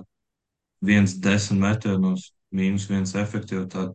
Tagad jāatzīmē, ka beig beigās viņš bija tas, kas uh, iemet uzvaras grozus, tāpēc varbūt, jā, ne, nevajag, nevajag negribas pārāk, negribas pārāk smagi tiesāt. Viņš principā, jā, nospēlēja aizsardzību, kad, ā, jā, guva izšošu grozu. Un, uh, zinot, pārdēļ, ka Vinsants Porijā, manuprāt, izstāsta pēc tavaras traumas. Tagad, kad viņš arī pats vesels izstāsta fantastisks. Tiešām, ka, ka, kad, ka, kad viņš nedabū atkal muļķīgas piezīmes, tad viņš spēlē fantastiski. Un šī spēle bija, bija jā, viena no tām. Markus Hovards, jā. Fantāzijā viņš man pievīla. Karstais kartupēlis būs 30 vai 0. Tu nekad nezini. Tev, tas ir reāls gambles. Tev vajag vienkārši uzminēt to reizi, kad viņš būs labs. un Tad, uh, bet viņš ir jāmet ārā pēc katras kārtas. Principā. Viņa vēl īstenībā par, par to pašu Hovardu gribētu teikt, ka Jūs, Mateo, saskēmoja uzlikt uz viņu Fabienu Kasēru. Šīs mēs izdarīja fantastisku darbu. Es nemaldos, viņš jau pirmajā ceturdaļā divreiz nobloķēja Hovardu. Es, es vispār kopumā nebija baigi daudz redzēt, ka Zērs kādu nobloķēt. Un, un tas noteikti palīdzēja. Bet tā, no paša Baskaunijas Čimdogs tiešām fantastisks. Šeit nereāla enerģija spēlē. Dabū, dabū principā visas bumbas finišē pēc tam ļoti labi. Un, un viņam tiešām viņš bija lielisks. Ļoti, es negribu teikt pārsteigums, tā kā bija zināms, ka viņš māca spēlēt, bet viņš šeit izstāsta krietni labāks nekā Monako. Nu, labi, man liekas, vienkārši viņš ir beidzot atgriezies komandā, kur viņam ir kā liela loma. Jo nu, tajā nu, nākamā sastāvā problēma bija tāda, ka tu ierodies sezonas vidū un tu īsti nevienā brīdī netiec pie lielas lomas. Plus, tu vēl īsti neatrisini to problēmu, kas viņiem ir. Tad, tagad liekas, jā, viņš atgādina drusku tā kā man resā viņš būtu, bet uh, viņš vienkārši tā kā solis priekšu. Un, ja godīgi, ja mēs salīdzinām ar to man resu, uh, tad uh, neliekas, ka varbūt Baskonī ir tik superspēcīgāk par, par to man reizi, kas spēlēja toreiz. Nu, kas pirms divām sezonām, kas bija laikam uh, Champions League finālā un bija 8. vietā ACB vai 7. Nu, pret Reāli viņi, man liekas, uzskrēja pirmajā kārtā. Es atceros, tur mazie bija, bija Joe Tomasons. Uh, uh, Izkritēji no galvas pārējiem. Bet nu, tur bija ok, tā, tā aizsardzība līnija garajā galā bija viņš un Bako un Steinbergs. Un, un tā kā, ja, nu, protams, Baskovī noteikti ir spēcīgāk, bet tīri tāpēc tāds stilistiks liekas uh, līdzīgi komanda. Plus vēl Monēka ir vienkārši spērs to solīt uz priekšu, kas viņam ļauj labi spēlēt šādu līmeņu komandā. Jā, Tas tomēr tā- nav Monako. Jā, es par Īstenībā gribētu teikt, šī spēle, manuprāt, vēlreiz apliecināja to, ka te noteikti vajag vēl kādu gārdu, kvalitatīvu, nevis kaut kādu, bet tiešām labu. Ja, piemēram, Bulgārs, Millers, McIntyre izsties pilnībā nekāds, es nezinu, jēga nekāda, Marinkovičs 0,8 metienos, Markus Hauts, godīgi, tu vienkārši nevari uz viņu paļauties ilg, ilgtermiņā kā uz, uz komandas līderi, tā kā izteikti komandas līderi. Un, un jā, Manjons bija diezgan ok, bet, uh, bet nu jā, te atzīmē, ka viņš bija tas, kur, kam pats var nozagt bumbu. Tā gan viena epizode, bet, nu, tur viņš arī tomēr, viņam nav tik liela pieredze šādā līmenī būt, tā, būt komandas līderim. Tas, man liekas, ka kaut ko, kaut ko vēl noteikti prasās, jo garais gals bija ļoti labs. Tas bija ļoti pārliecinoši un patika, bet, bet pie gārdiem tur noteikti vēl kaut ko prasās klāt. Man nepatīk treneris. Ir tas, ko es teicu, vienkārši pirms epizodes. Nu, otro sezonu pēc kārtas eh, tev ir eh, tas saucamais time, ka tev ir vai nu jāiet uz uzvaru, vai tev ir jāizver papildu laiks. eh, Pilnīgi visiem ir zināms, ko darīs Baskovs. Un tas arī piepildās. Nu, pilnīgi ne, nekādas izdomas, nekāda radošuma. Uh, es it kā saprotu to, ka tu it kā turpini uzticēties vienam cilvēkam. Tas kā parāda to, ka tev ir tā uzticība viņam un, un tā tālāk. Bet es nezinu, vai Markus Skors bija labākā opcija pēdējiem metienam. Pilnīgi, be, tiešām bez nekādas izdomas, bez nekā. Nu, es Nu, nezinu, jā, nu, es, es piekrītu, ka tur jau bija pirms izspēles, kad Baskovs paņēma taimot, bija diezgan skaidrs, kas notiks. Bija skaidrs, ka, ja Markus Havards skries ar blokiem, saņems bumbu, driblās un, un metīs trojku. To, to mēs visi zinājām. Fani zināja, Tūsma Teo zināja.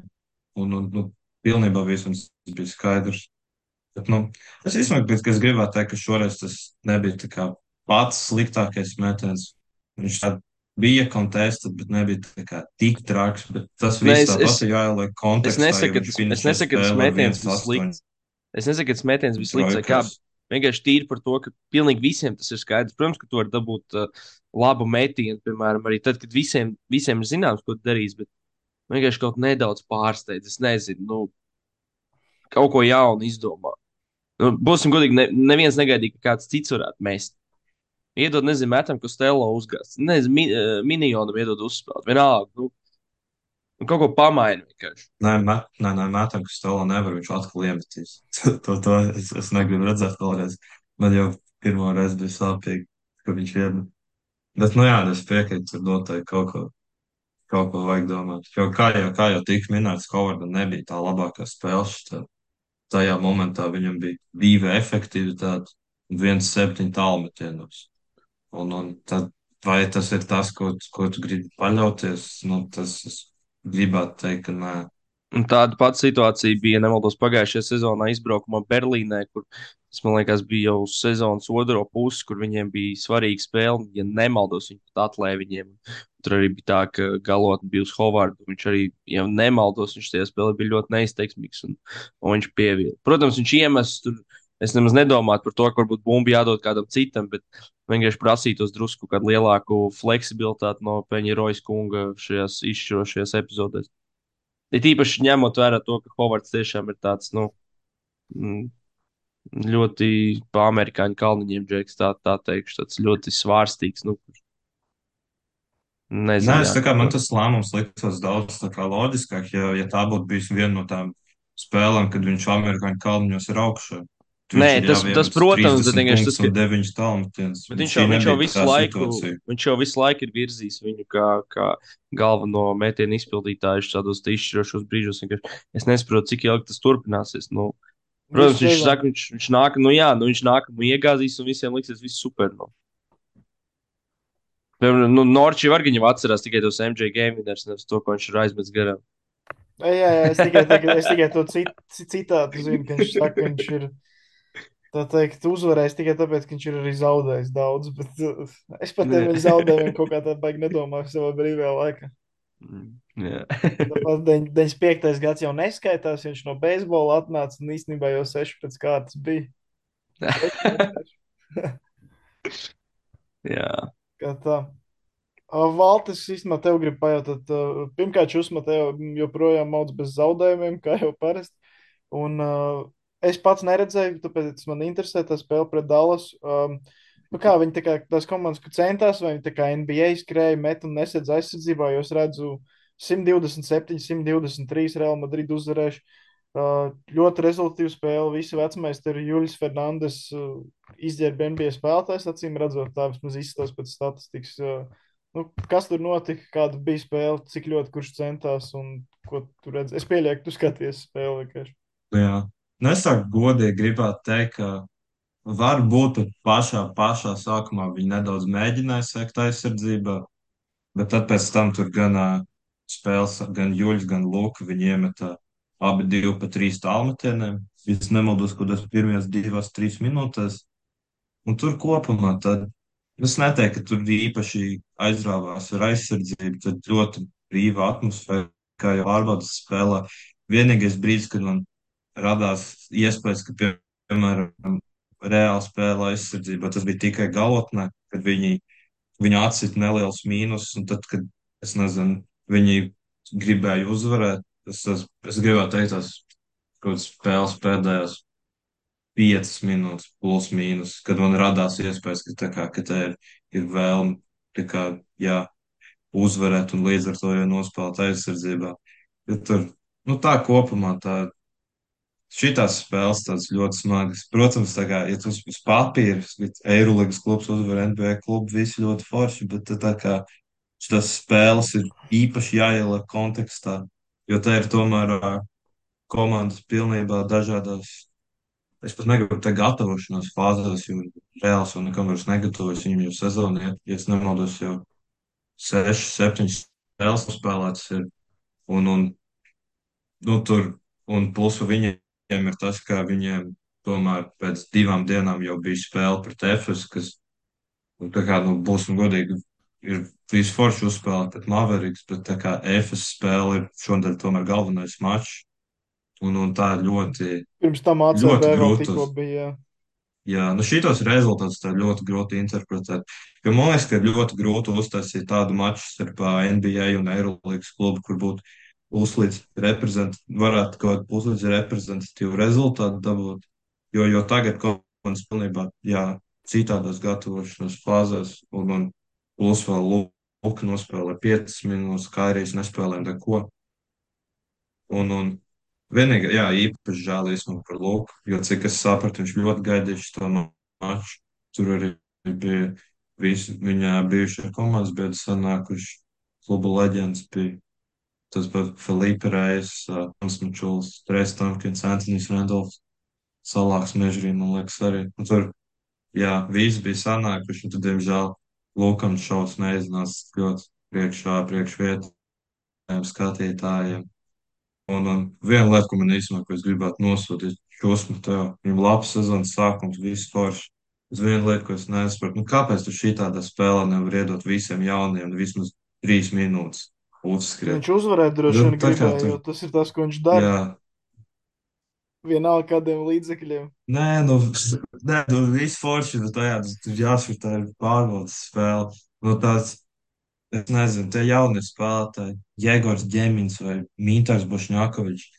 Vai viņi kādreiz uzspēlēs NBA, tas ir nu, milzīgs jautājums.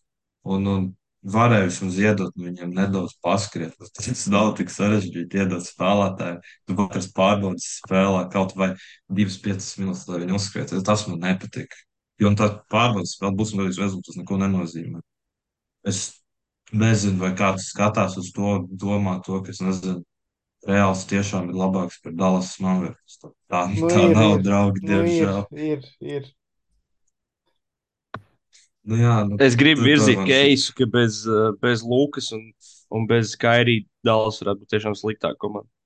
Es īstenībā, es gribu, es, kā, es redzu, es redzu tavu punktu. Es gribētu tā domāt arī. Es nezinu, vai tā ir, bet es gribētu tā domāt. Tev vēl īstenībā šī tā, starp citu, ja, ja mēs gribam šo brīdi, jāatzīmē, ka Reāls spēlē bez Gabriela Deka, kas ir komandas pamats tā spēlētājs. Es gribētu teikt, top trīs svarīgākais spēlētājs komandā. Un, un Tavares bija atnācis pēc, pēc traumas, nu ne pēc traumas, pēc slimības. Un nu, viņš izstājās godīgi pēc šitajā spēlē, pēc principā, nu, LBL trīs līmeņa garā spēlētāja. Nu, Ļoti vājš viņš bija, jo, piemēram, Porjē uz viņu fona bija divas galvas pārāks, vismaz šitajā konkrētajā spēlē.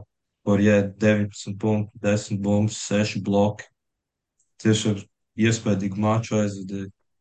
Tā kā varbūt bez Lukas varētu kaut ko, kaut, kaut ko tur domāt. Bet, jā, ļoti grūti viņus Un salīdzināt. bez, Jo, kā bez Kairī arī. Bez Kairī jā. arī. ah, nu, jā, ah, jā, protams, aizvot Kairī. Jo Jo šitās Kairīš spēles tiešām 40 un viss. ļoti grūti uztaisīt tādu maču, kur mēs varam tiešām salīdzināt komandas. Es zinu, ka tas Diemžēl, nekad nenotiks. Bet es tagad iedomājos, ka, bū, ja būtu baigi forši, ja būtu tāds tā kā pa, pasaules kauss ar tādu, tā kā, nu, nezinu, tā kā mums ir užavs kauss Latvijā, ja, kur ir, piemēram, divu spēļu summa un uzvarētājs iet tālāk. Kaut kādu pasaules kausu, kur reāli competitive un uh, NBA tagad ir tas in-season tournament. Nu, es, es saprotu, ka tas ir nereāli, bet ja tur varētu iemest Eirolandes komandas un tiešām būtu tāds competitive kārtīgs spēles, kur taktiski visi ir sagatavojušies, ir īpaši Eirolandes treneri un viss.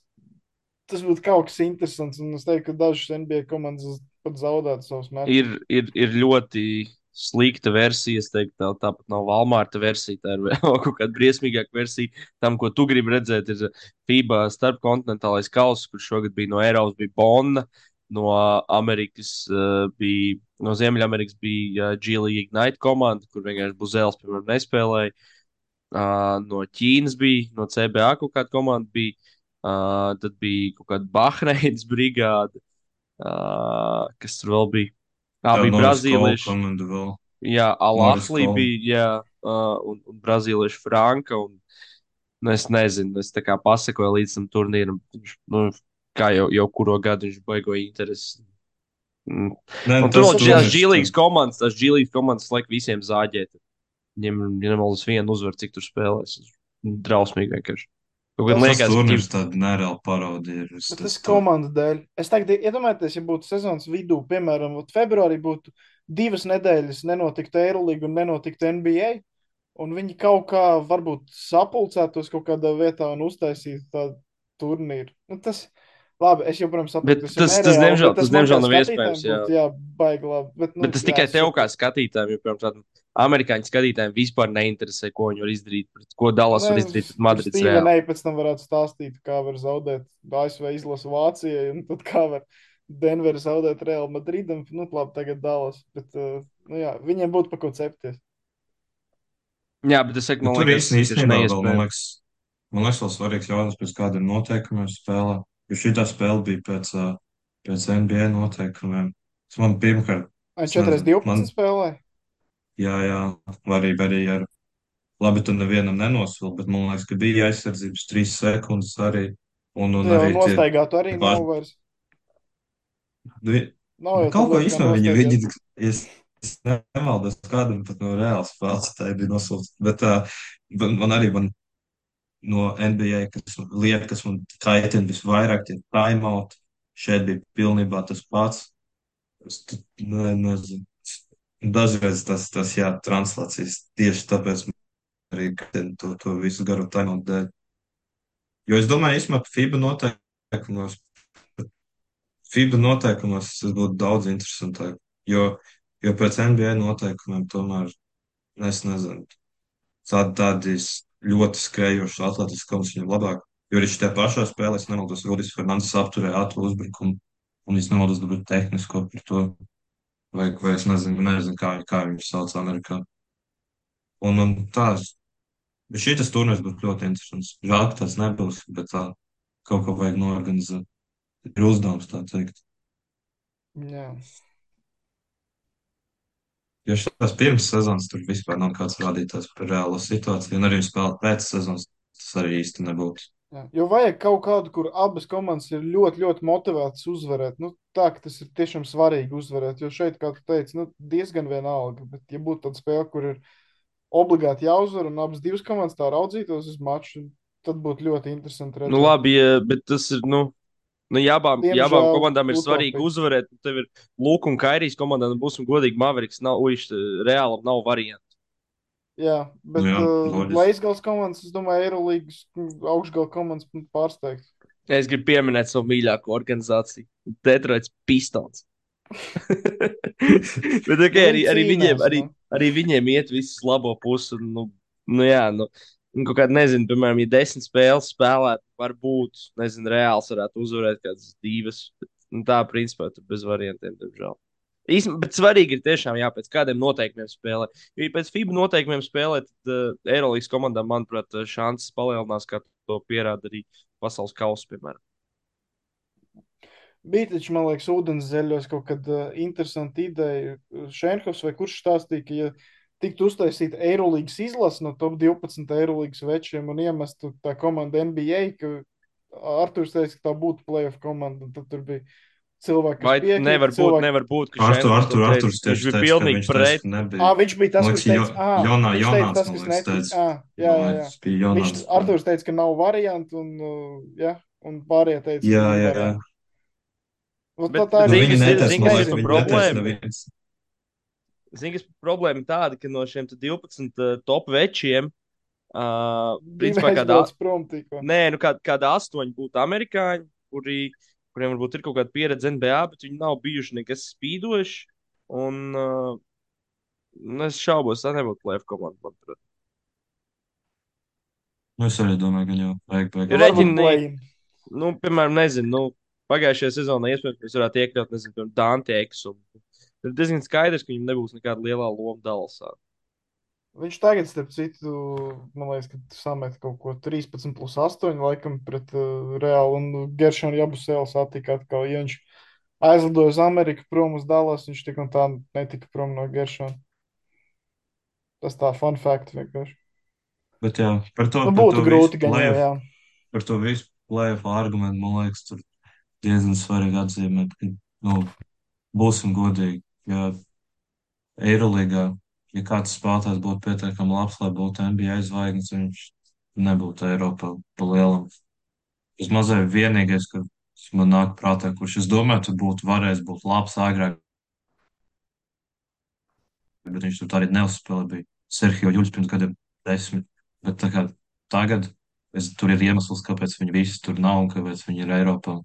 Jo būsim godīgi, ja viņi tur varētu būt zvaigznes, viņi būtu tur nevis šeit.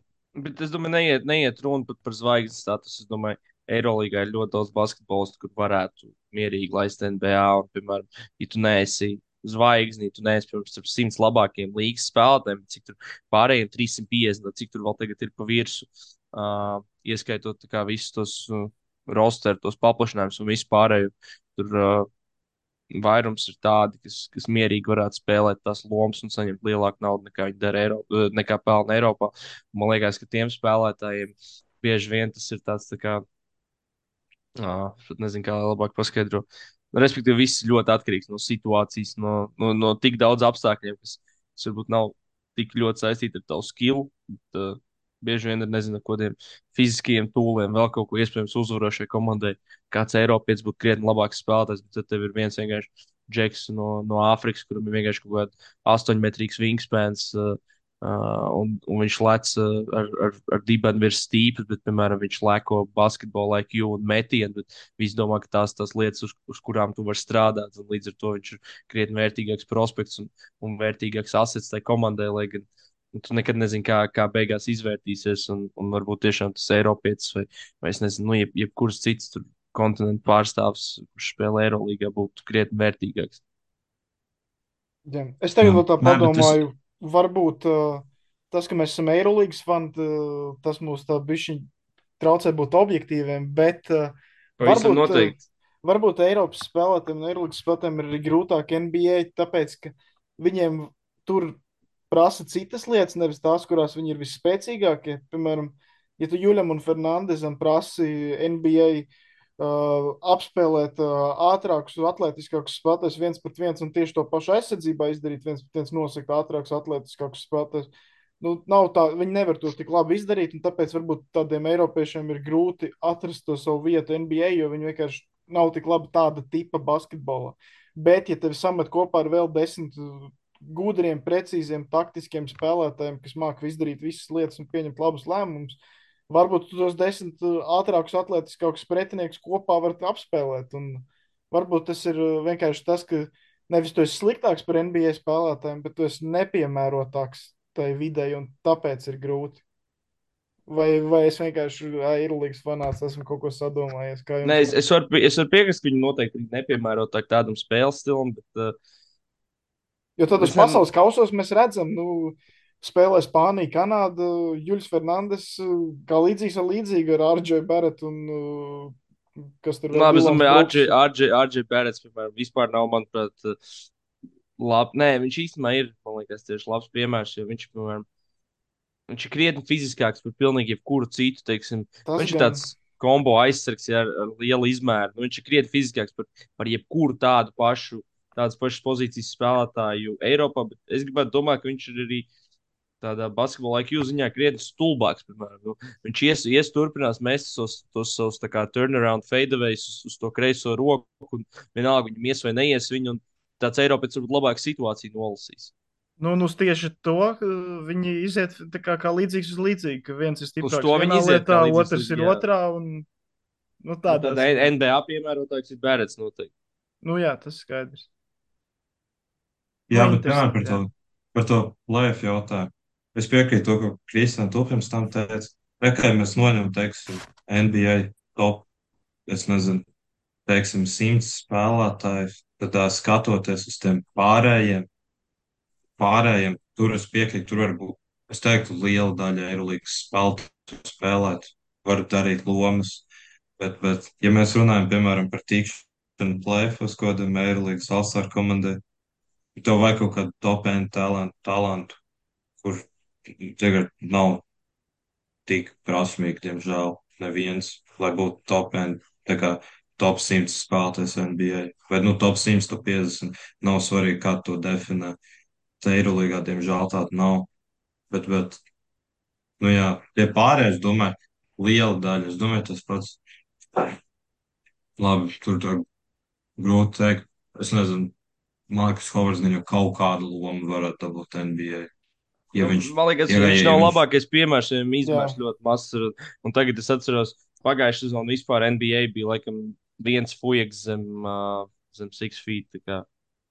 Nē, nu man vienkārši man Nemaldos. bija tieši tas, man tas boks, kurš vaļā uz otru ekrānu, bija pirmais vārds, ko es pavadīju. Bet, nu, tā kā nu, ir tādi piemēri ar spēlētājiem, kas tā kā, nu, varētu, nu, Kevins Panters varētu spēlēt NBA, bet, bet Nē, viņi, kā- visi, viņi visi varētu, mm. nezinu, nu, tam pašam Monēkai būtu bijusi tur bišķi savādāk, labāka situācija.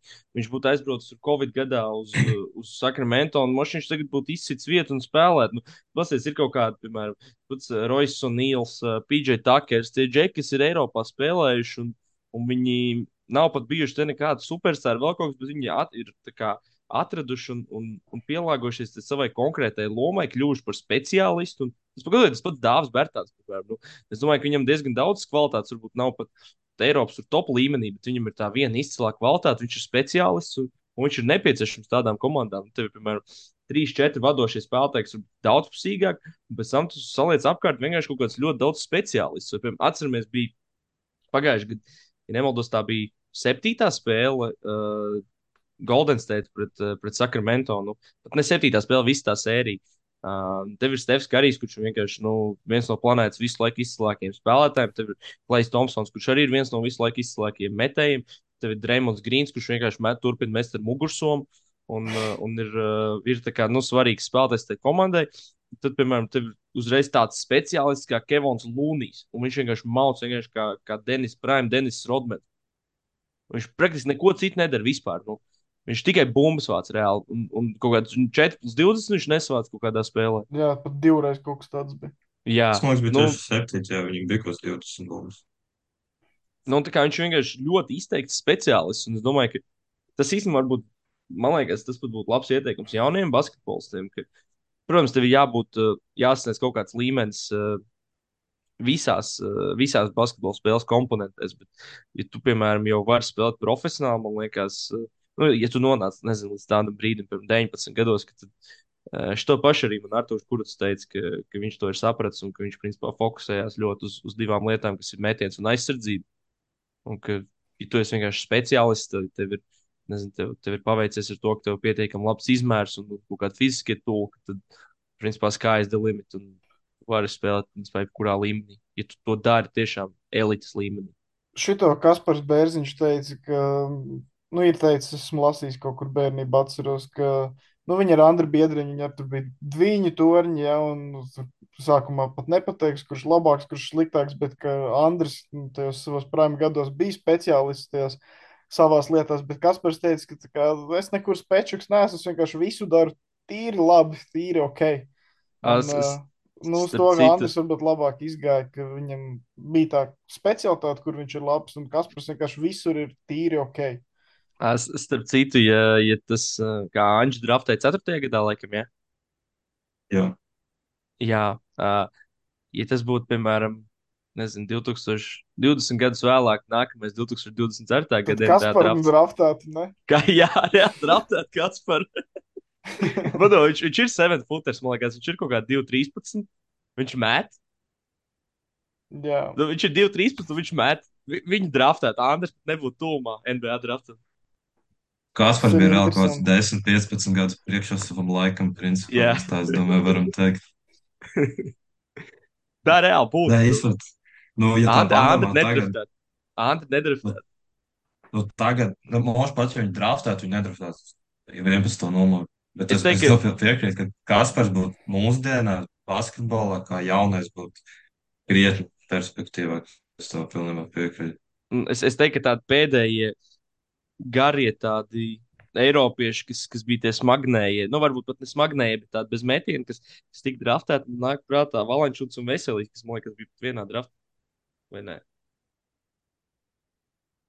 Viņi arī tādi nedaudz atšķirīgi, jo es pat Nē, es negribu saku, teikt, ka viņi- veselīs smagnais, viņš tas viņš Es ir jau teicu, ka, ne, es jau teicu, ka palielam. nesmagnēji, vienkārši bez metiena, piemēram, un, un Valančuns to iemācījās izdarīt, tāpēc arī vienam ir karjera NBA, otram nav. Jā, pat Valančūnam spēles, kad viņš septiņus tālos iemet, piemēram, viņu vispār nesedz, un viņš iemet halfā septiņu no astoņu. Es tik redzu highlightos, un visi amerikāņi brīnās. Kā visi liek klāt. Nu, jā, nu, Nu, tad, ja plus vēl- Izņemot Domantu super atlētam. Un Plus vēl JV ir, uh, ir super labs tajās lietās, ko viņš dara, kā, kā milzīgs ķermenis groza apakšā. Viņam vēl pumpfakes tik ticams ir, es, es nezinu, Jā. viņš ceļ un reāli vienmēr liekas, ka viņš metīs, bet viņš nekad nemet. Tas ir labs pumpfakes, reāli. Es pat tos aizsargus nekad negribu nosodīt, ka viņi tā kā uzķeras. Es būšu godīgs, tikai kurš uzķer tas pamfeks ir tiešām, tas ir elites līmenī. Kaut kā šis ir labs, sen nav, redzēts. Jā, nu, tu sakrāši tādas kaut kādas mazas lietiņas, plus, plus tev ir uh, fiziskie parametri, kas, kas ļauj spēlēt. Nu, un, un, un tu esi materiāls, ar ko strādāt. Tāpēc man tādā ziņā, man tādā ziņā patīk, ka jaunatnes izlasēs uh, pavērot kādus džekus, kas ir kā speciālisti tiešām kaut kādās, kaut kādās uh, lietās. Tur, protams, neviens, neviens nevienā brīdī tur vēl nav izcils, jo tur vienkārši vecums neļauj to, bet patīk redzēt kaut kādas, teiksim, flashes uz, uz to, ka kaut kas tāds varētu tik, gaid, tik gaidīt, būt gaidīts, jā, kā lai pasaka. Nezinu. Jā. Es nezinu, varbūt jāvirzās uz beigšanu. Jā, es piekrītu. Mēs tādu labu NBA, Eirolandes un Amerikas Eiropas salīdzinājumu esam veikuši. un Bija, Jā, būs, es domāju, ka būs reāli visint, aizrunājās. visint, man liekas, īstenībā viena no interesantākajām daļām, man liekas, epizodē. Kā, Jā, man arī bija ja, interesanti. ja tiešām. kāds noklausīsies līdz beigām. Jā, iesakām. Nu, tā kā jā, paldies, ka klausījāties. Un Tad es pieļauju, ka Jā. tiekamies kaut kad uh, atkal podkāstu straumēšanas platformās uh, nākamnedēļ. Epizode pēc Droši otrās vien. kārtas. La, labi, visticamāk, jā. Eirolandes maču priekšā. Jā. Jā. Tā kā jā. Paldies. Paldies. Hala Madrid. Forza Bars.